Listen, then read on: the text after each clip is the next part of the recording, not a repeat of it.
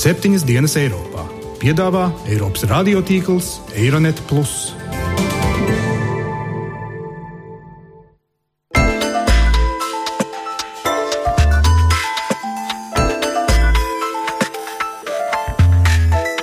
Šonadēļ septiņas dienas Eiropā dzirdēsim. Eiropā arī ir kaut kādi riski, bet manuprāt, tie nav tik nozīmīgi kā pašā Lielbritānijas iekšienē. These are all risks we should avoid. We shouldn't risk it. Kas tad notiek ar Lielbritāniju?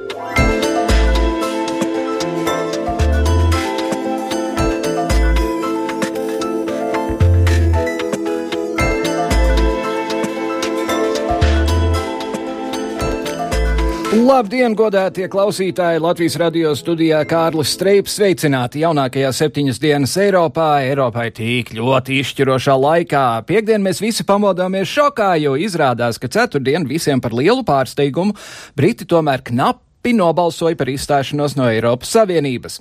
Ilgi kā teorētiska varbūtība apzolētais Brexit jautājums tagad ir īstenība, un šķiet tāds pavērsiens arī pašiem Britiem bija negaidīts, jo, kā izrādās, pirmajās stundās pēc tam, kad tika paziņoti referenduma rezultāti, Lielbritānijā starp populārākajiem Google meklētājā ievadītajiem jautājumiem bija, piemēram, ko nozīmē izstāšanās no Eiropas Savienības, un kas tagad notiks, kad neesam Eiropas Savienībā.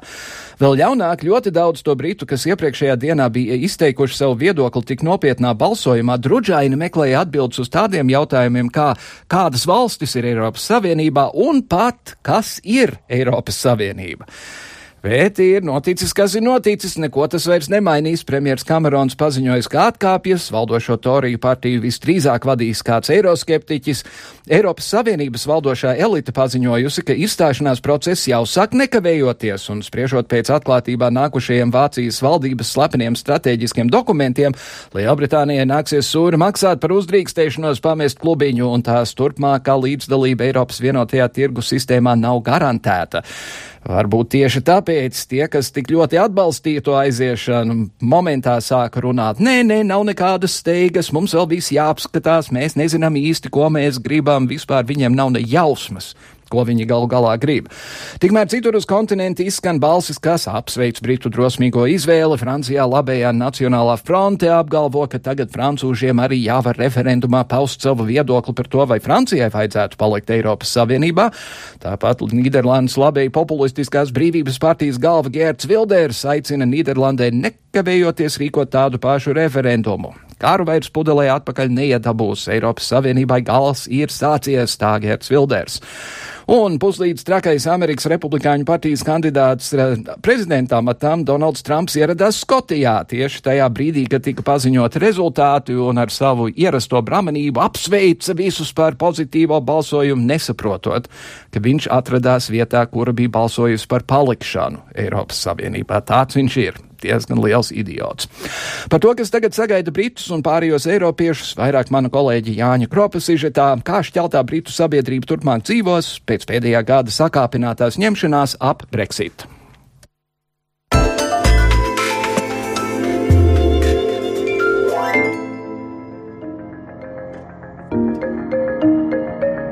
Bezprecedenta gadījums, kas iespējams paraus vaļā populistu un eiroskeptiķu Pandoras lādi, tā varētu raksturot apvienotās karalistes balsojumu par palikšanu Eiropas Savienībā.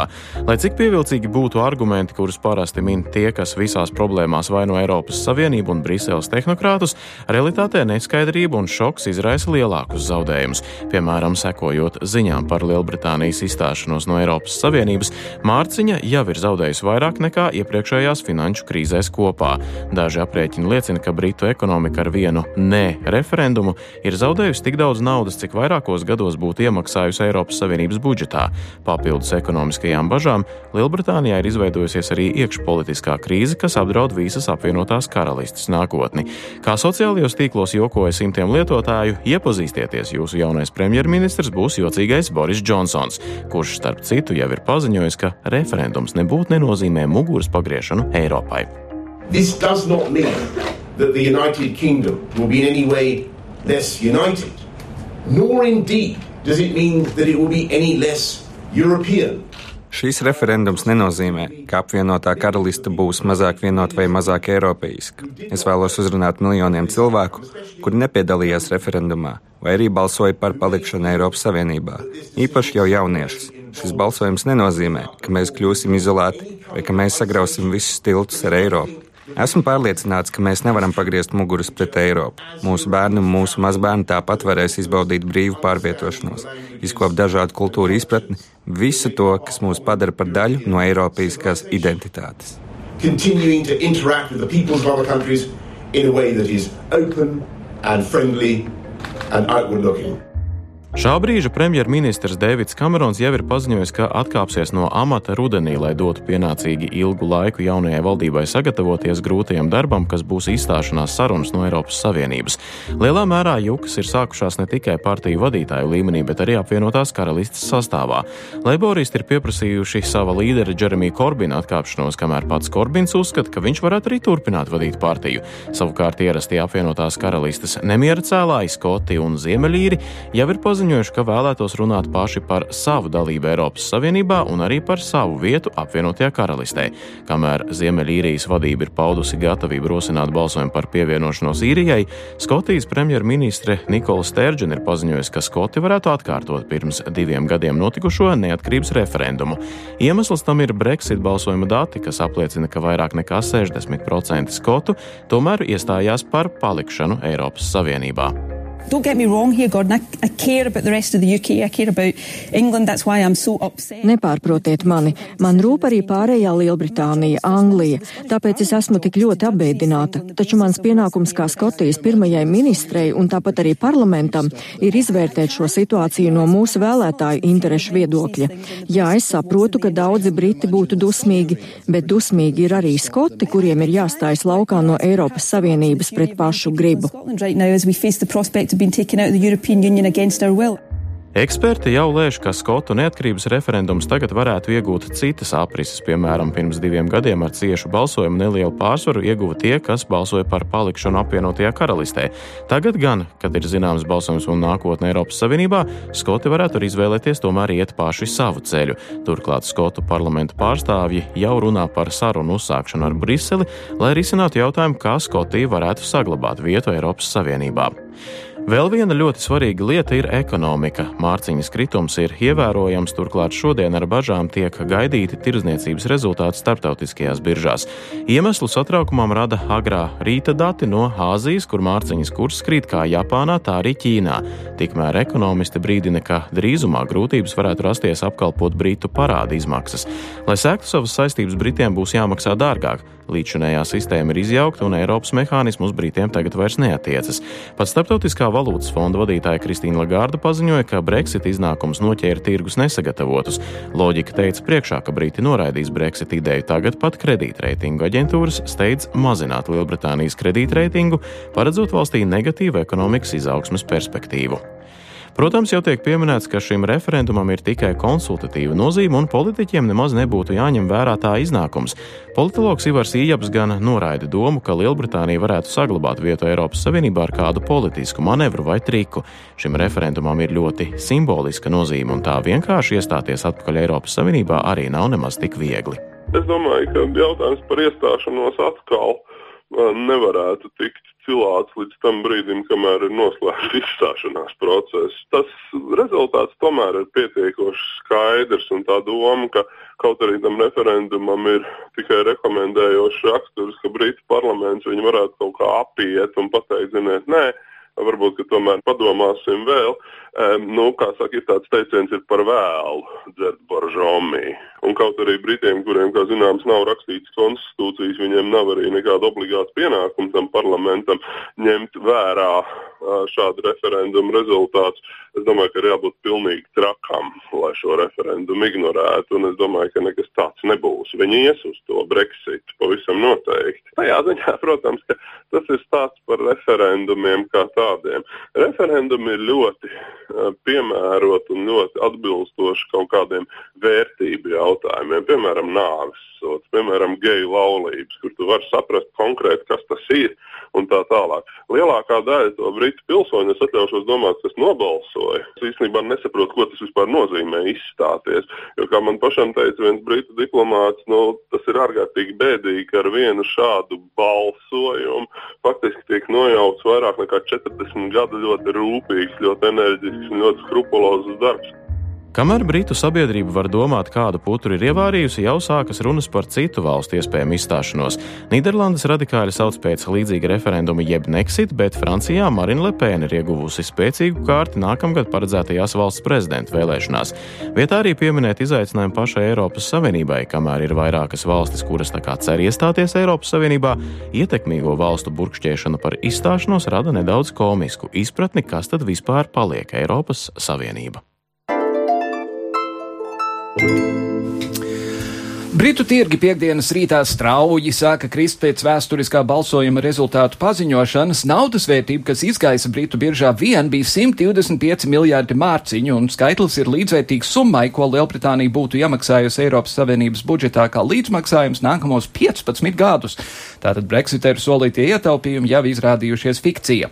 Lai spriestu par Britu referendumu iznākumu un par tā ietekmi uz Eiropas Savienības nākotni un turpmākajām Eiropas un Lielbritānijas attiecībām, kā arī par to, kā globālie finanšu un valūtas tirgi reaģējuši uz ne negaidīto Brexit, studijā Latvijas Universitātes asociētais profesors Domnīcas Certus pētnieks Daunis Auers. Labdien! Labdien! Un Sebbankas finanšu tirgus pārvaldes vadītājs Andris Lāriņš.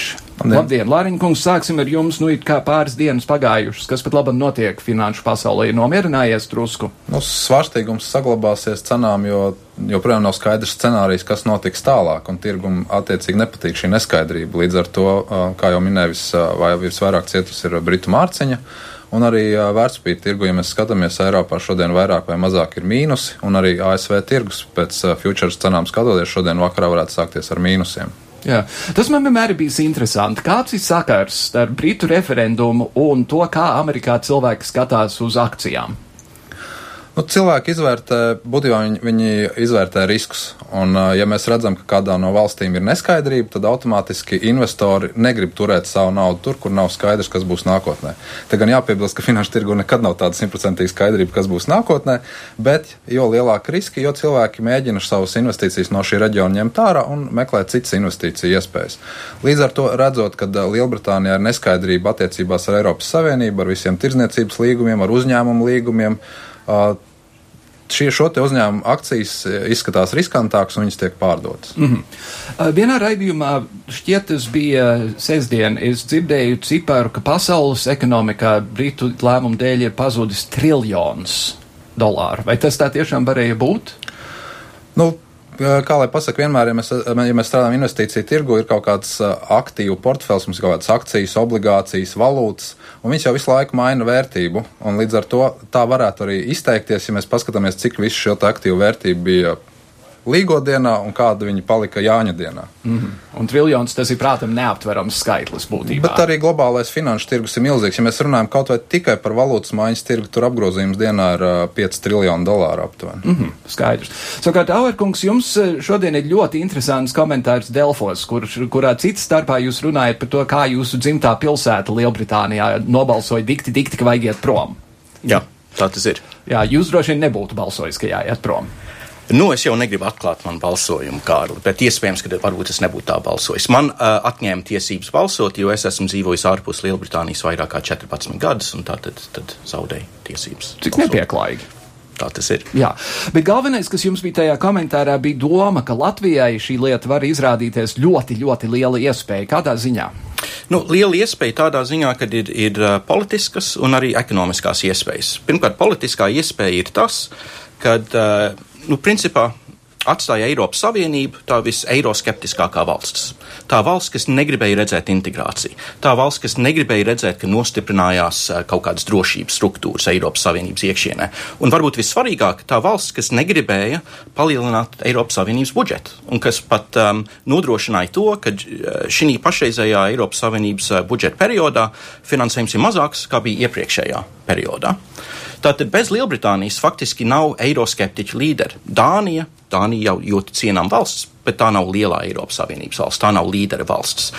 Un e, tā tad ir pavisam reāls iespējas, ka mēs varētu redzēt, ka uh, ilgtermiņā, tātad nu, nākamos, teiksim, desmit gados Eiropas Savienība palielina savu budžetu, palielina um, investīcijas struktūra fondos, un citos Eiropas Savienības fondos, un arī vairāk integrējās tādos jautājumos, kas ļoti svarīgi Latvijai, kā piemēram kopīga ārējā robeža, varbūt stiprinot arī kaut kādas drošības struktūras Eiropas Savienības iekšienē. Tātad, zināmā mērā, angļu valodā sakot, good riddance. Nu, es jau tā neteiktu, bet eh, es domāju, ka vienkārši šeit jāapjēdzās, kad, kad ir iespējas. Ir žēl, kad, Savien... Eh, kad uh, Lielbritānija pameta Eiropas Savienību, bet tā tas ir. Vienkārši Lielbritānija pametīs Eiropas Savienību. Man liekas, neskatoties uz tām diskusijām šobrīd, ka būs vēl viens referendums vai ka varbūt uh, parlaments balsos pret, nu, tas ir maz ticami. Es domāju, tās vienkārši ir karstās emocijas, kas ir šobrīd. Ir skaidrs, ka parlamentam būs jāpieņem šo lēmumu, un ir skaidrs, ka Lielbritānija izstāsies no Eiropas Savienības. Un tātad saprotot šo, mums jāizmanto tās iespējas, kas pastāv. Mm -hmm. Kā jūs vērtējāt to, to priekšreferendumu kampaņu? Jo man sanāca tā, ka vienā pusē stāvēja Boris Džonsons, otrā pusē Deivids Kamerons, un viņi abi divi brēca pilnā rīklē, tā ka īsti nevarēja saprast, ko viens un otrs saka. Un tad vēl frāžu pa vidu. Es pilnīgi piekrītu. Absolūti nožēlojams kam kampaņa. Absolūti nožēlojama no abām pusēm.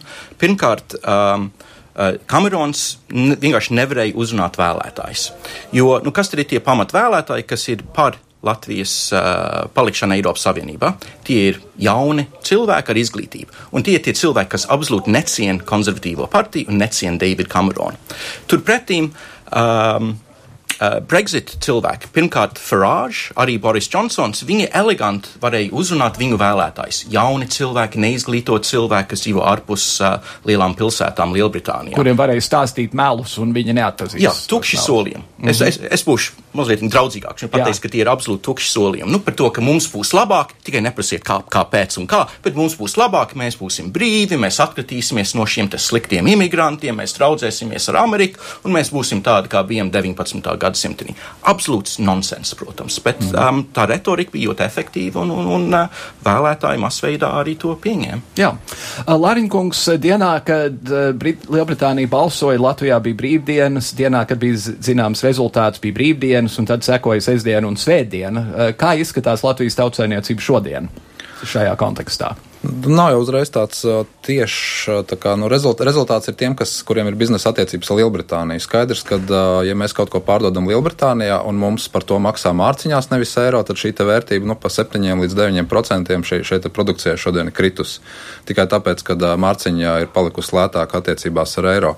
Protams, nākamajos ceturkšņos tas atainosies arī ekonomikas datos, jo Lielbritānija tomēr ieņem 5% no, eksporta, no Latvijas kopējā eksporta var strīdēties liels vai, vai mazs cipars, bet tas noteikti atstāja ietekmi, ņemot vērā kokrūpniecības arī šo lielo daļu.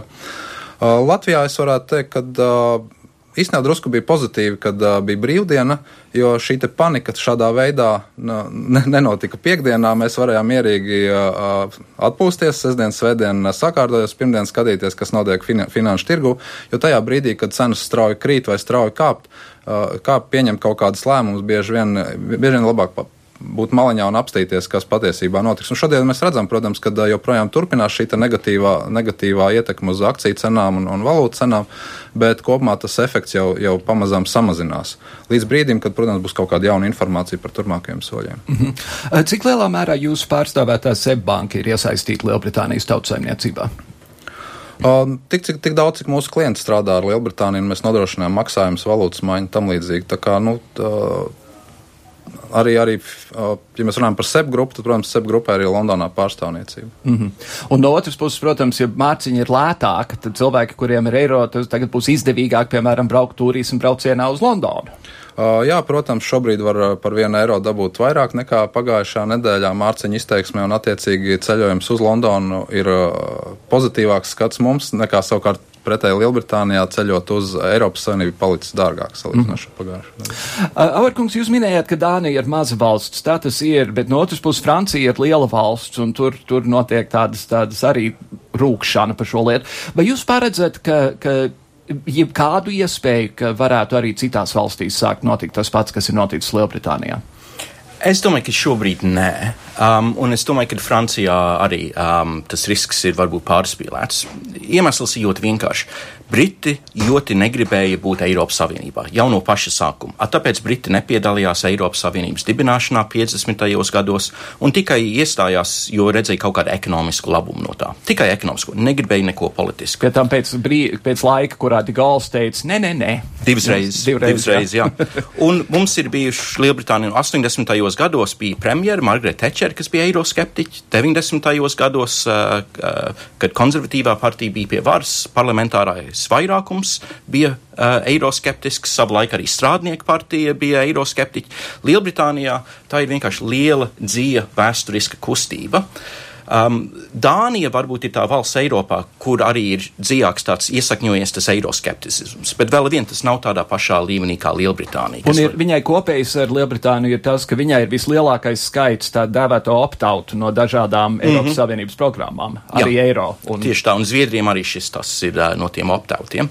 Um, bet uh, kopumā es domāju, ka vienkārši nu, nu, kultūrālā ziņā Dāņi ir daudz vairāk eiropiski kā Briti. Briti uzskata, ka viņi ir tāds island nation, nu, sala iedzīvotāji, um, kas ir radniecīgi amerikāņiem kanā, kanādiešiem, austrāļiem, ne īsti eiropiešiem. Un es domāju, ka Dāņi nu, ar savu ziemeļu valsts identitāti, kas ir izteikti eiropiešu identitāti, nu, tur tas risks ir daudz zemāks. Es domāju, tā panika, kas ir šobrīd par to Frexit un Nexit un tā tālāk, tas ir pārspīlēts. Mm -hmm. Un kā jūs skatāties savukārt uz pašas Lielbritānijas nākotni? Jo Skotijā jau tagad ir sācies runa, ka mums noteikti būs vēl viens referendums, un šoreiz mēs dalīsimies nost, un vēl ir jautājums par to, vai Ziemeļīrijai būs jāceļ sēta ar pārējo īriju. Jā, es, es jums pilnīgi piekrītu. Lielbritānijai tagad stāv priekšā ļoti daudz izaicinājumu. Pirmais izaicinājums ir Skotu referendums. Ir skaidrs, ka Skotu Nacionālistu partija ir pamatota runāt par jaunu referendumu Skotijai.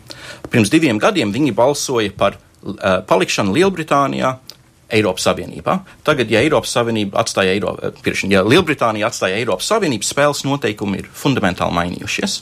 Tātad uh, Skotiem ir tiesības rīkot vēl vienu referendumu, un es domāju, ka tas arī notiks. Un iespējams, ka šoreiz būs arī balsojums par promiešanu. Mēs vēl to nezinām. Nu, es domāju, ka Skotiem tā Eiropas identitāte varbūt vēl viena ir vājāka par to. Um, britu identitāti. Bet vēl vien varbūt eh, pārliecinās pietiekami daudz cilvēku šoreiz balsot par izstāšanos. Manuprāt, tas lielākais risks ir uh, Ziemeļīrijā, jo visu zie, Ziemeļīriju mieru procesu no 98. gada uz priekšu ir balstīts uz to, ka ir atvērta robeža ar īriju un kad ir izteikta ekonomiskā, kultu, uh, kultūrālā un citveida sadarbība ar, uh, ar Dienvidīriju.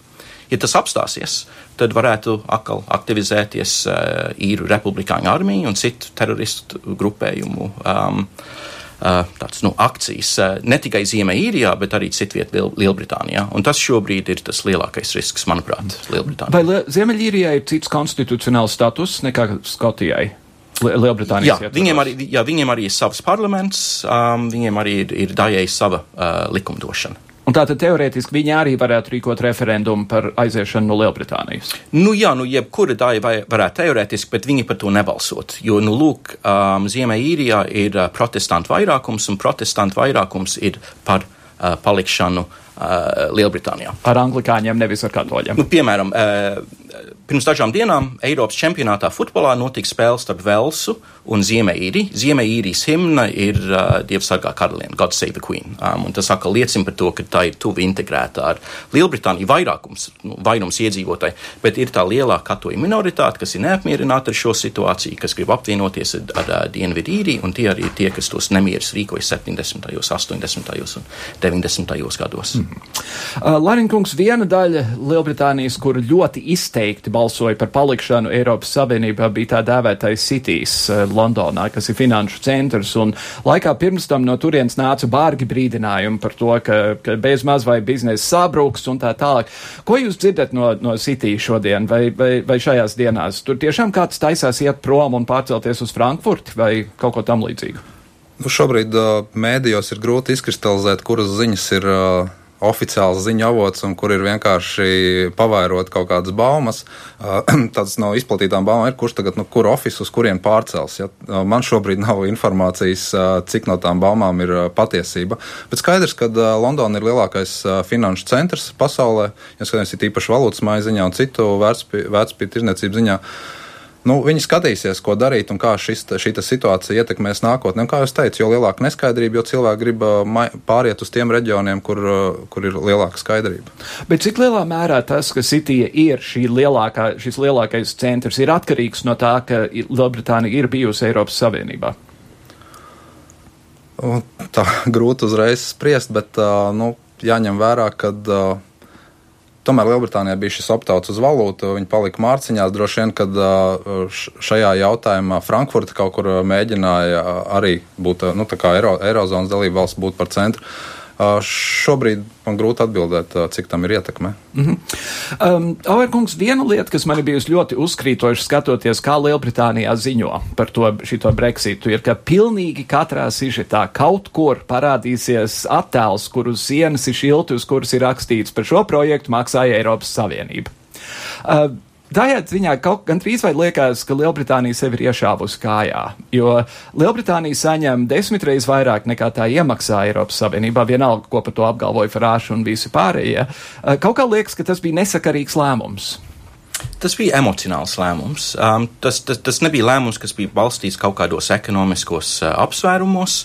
Um, tas bija balstīts tīrākā emocijā. Um, nu, principā tā pret imigrantu retorika kas ir izskanējis ne tikai pēdējos mēnešos, bet pēdējos gados Lielbritānijā, un tā pret Eiropas retorika, kas izskan no Daily Mail un citiem lieliem konservatīviem laikrakstiem, ir ļoti efektīvi iedarbojies. Mm -hmm.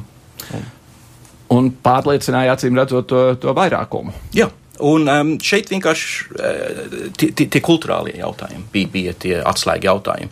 Tur um, pārliecināja vēlētājiem ticēt tam, ka imigranti ir slikti ekonomikai, kaut gan visi dati liecina par to, ka imigranti kopumā ir labi ekonomikai, uh, kad imigranti no Austrum Eiropas valstīm mazāk saņem pabalstus kā Briti. Jā, ir, nu, ir tas mīts par nu, tiem latviešiem, kas meklē pabalstu Lielbritānijā. Tas vienkārši tā tas nav. Tā, tā, tā nav patiesība. Um, uh, un, protams, arī uh, imigranti, kas ir ienākuši Lielbritānijā, paši ir radījuši daudz jaunas darba vietas. Gan tie, kas ir izveidojuši savus uzņēmumus, gan tie, kas vienkārši nu, patērē ikdienā, kas iet mm -hmm. uz krogu, kas iet uz veikalu, tērē naudu un tādā veidā palielina Lielbritānijas. Tā bija ekonomiku. ļoti laba britu atbilde. Vispirms uz krogu un tad uz veikalu pēc tam. Es atvainojos. Mēs esam sazvanījušies ar Ilzi Kalvi, kura dzīvo Londonā. Labdien, Kalvis kundze! Ah, sveiki, sveiki. Nu, kāda ir atmosfēra pat labāk?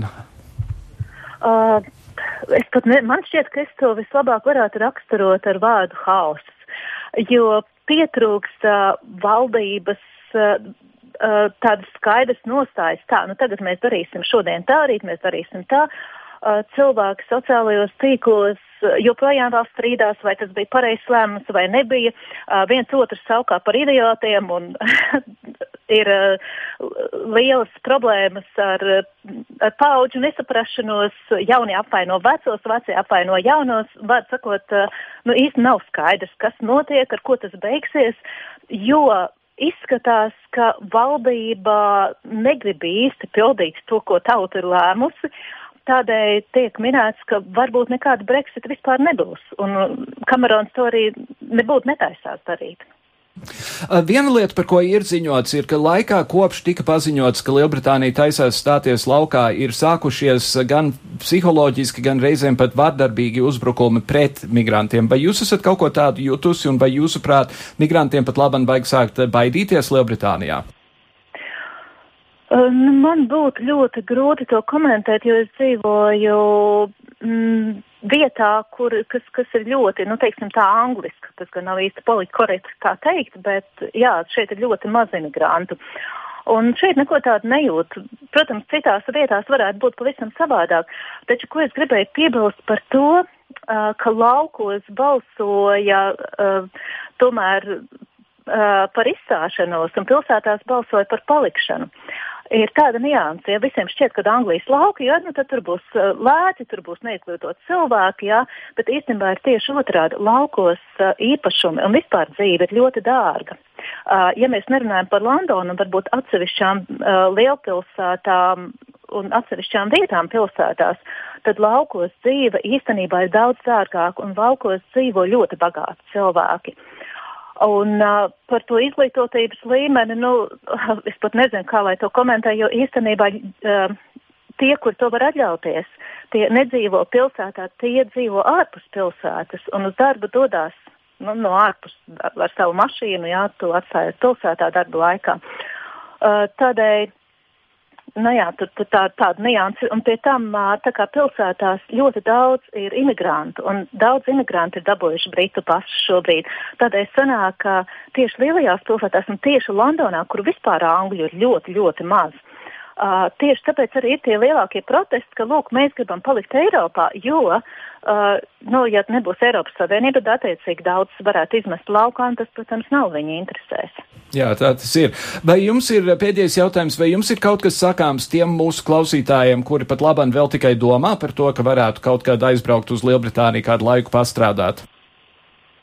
Nu, manuprāt, to ir jādara tūlīt.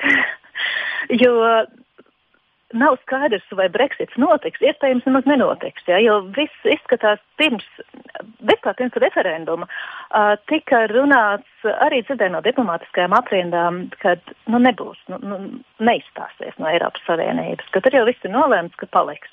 Bet, protams, ir, tās ir tikai, tikai, tikai un vienīgi baumas. Ja. Uh, šobrīd arī izskatās, ka, jo parlaments šobrīd vispār var apturēt jebkādu izstāšanās procedūru. Kamerons to ir atlicis, kaut gan pirms uh, referenduma viņš teica, ka nākamajā dienā pēc nobalsošanas, ja būs Brexit, tad viņš arī visu darīs, lai sāktu izstāšanās sarunas. Tas šobrīd nenotiek. Uh, izskatās, ka tas vienkārši viss tiek bremzēts un uh, valdība arī nenāk ar nekādiem nopietniem paziņojumiem šobrīd. Un izskatās, ka tur notiek arī cīņa par varu. Uh, Tādēļ es domāju, ka mums īstenībā uztraukties diez vai vajadzētu. Protams, tie, kuri grib šeit dzīvot un strādāt, tiem to vajadzētu iespējami ātri izlemt un doties uz Lielbritāniju. Bet nu, es domāju, ka tā arī jebkurā gadījumā izstāsies, nevienu nemetīs laukā. Par Labi. Noteikti nevajag baidīties. Ilze Kalvis, sirsnīgs paldies jums par sarunu. Visu labu! Paldies! Jā, jūs šūpojāt galvu, jūs jau teicāt, ka jūs domājat, ka būs, bet kas ir ļoti uzkrītoši, ir, ka šajās pirmajās dienās pēc tam tie līdzi cilvēki ir kāpušies atpakaļ un atpakaļ un atpakaļ un atpakaļ un teikuši, mēs tā īsti nezinām, ko mēs gribam. Mm, tā ir sarunas pozīcija. Uh, jo no tā brīža, kad uh, iedarbina to 50. artiklu, tad ir divi gadi lai, lai, lai izrunātu visus jautājumus par izstāšanos. Kad paiet tie divi gadi, šo sarunu procesu var tikai um, pagarināt, ja visas Eiropas Savienības dalībvalstis, visas 27 valsts piekrīt un Britānija. Un viennozīmīgi tas nenotiks. Tātad šī vienkārši ir normāla sarunas procedūra. Uh, Kamerons tagad dod iespēju Britiem plānot to, ko viņi grib veikt neformālu sarunas ar Vāciju, ar Franciju un citām valstīm, un tad viņi iedarbinās to 50. artiklu, tad, kad ir nu, apmēram kaut kas, nu, kad ir zināms, par ko ies runa un ko darīs. Mm -hmm. Bet, ja jūs pieņemat, ka kaut kas notiks, kas jums, ir, jūsuprāt, ir reālākā, re, reālākais variants? Kaut kas uh, analogs Norvēģijai vai vienkārši izstāties pavisam un atgriezties pie Pasaules tirdzniecības uh, organizācijas noteikumiem? Nu, Norvēģijas variants droši vien ir tas, ko politiķi grib redzēt, eh, grib redzēt, bet tas vienkārši nav praktisks, jo Norvēģijas variants ir Eiropas Savienības biedra status, bet bez lēmumu pieņemšanas. Proti, Plus vēl maksājot lielu naudu. Tieši tā, jāmaksā. Norvēģija šobrīd maksā apmēram 80% to, ko Lielbritānija iemaksā budžetā, bet nepiedalās lēmumu pieņemšanā. Otrakārt, ir arī uh, brīva, brīvā cilvēku plūsma, un jau Briti pamatā balsoja pret šo brīvo cilvēku plūsmu. Tāpēc es, es, es domāju, ka būs ļoti grūti pārdot šo variantu. Visticamāk, um, būs tas otrais variants, ko jūs minējat - atgriešanās uz Pasaules tirdzniecības organizāciju un tad mēģināt sarunāt kaut kādās sfērās, nu, piemēram, pakalpojumos, auto rūpniecībā un tā tālāk, kaut kādas uh, nu, tādas bilaterāla līgums uh, uz uh, brīvo tirdzniecību. Mm -hmm. Bet uh, es gribētu atkārtot to, ka es domāju, ka šobrīd tās vienkārši ļoti karstas emocijas, ka iet runa par to, ka Lielbritānija varbūt varētu neizstāties. Es domāju, ka būtu krietni lielāka konstitucionālā krīze Lielbritānijā, ja neievēro to, ka 51,9% no vēlētājiem ir balsojuši par Brexit. Mm -hmm. Un savukārt Lāriņa kungs pat labi tāda liela, ne, ga, lielākā bīstamība laikam ekonomiski ir tas, ka turpināsies šī nenoteiktība un nepārliecinātība. Nu, ja, tirgus, ja finanšu tirgu neredzēs skaidrību politiskajā frontē, tad, protams, tirgus dalībnieki turpinās iespējams pārdot mārciņu un atbrīvoties no Lielbritānijas vērtspīriem. Līdz tādam brīdim un tādiem sektoriem, kuri, kuriem liksies, ka viņiem nu, klāsies labi pie jebkura scenārija. Jo jāņem vērā, ka šeit ir nu, gan importa, gan eksporta puse. Ja Lielbritānijas mārciņa strauji, ja vērtības strauji krītās, tad arī Lielbritānijas ražotājiem tās izēvielas un materiāli, kas jāiepērk, viņi paliek dārgāki un viņi, viņi uzreiz kļūst mazāk konkurētspējīgāki globālajā tirgu. Tātad, redzot neskaidrību, finanšu tirgus attieksme pret Lielbritāniju būs piesardzīga, kas beigsies iespējams ar mārciņas pārdošanu vai vērtspapīra pārdošanu. Mm. Interesantā pasaulē mēs dzīvojam. Andris Lāriņš un Daunis Sauers. Paldies jums abiem par sarunu. Paldies!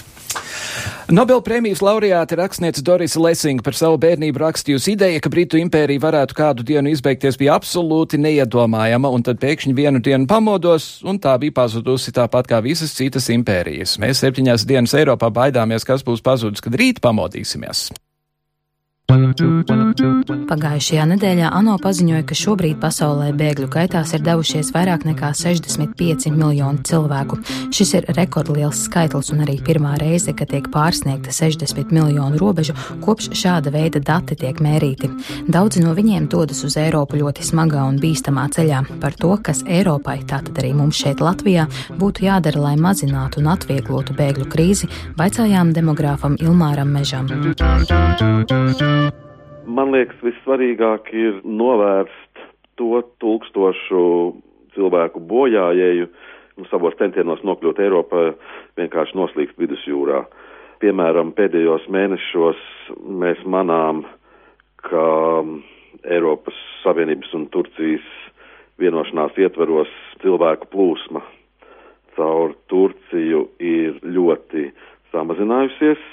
Turpretī, diemžēl, darbojās nu, nos, fizikā arī ir noslēgto trauku princips, un zemesloda arī ir viens noslēgtais trauks.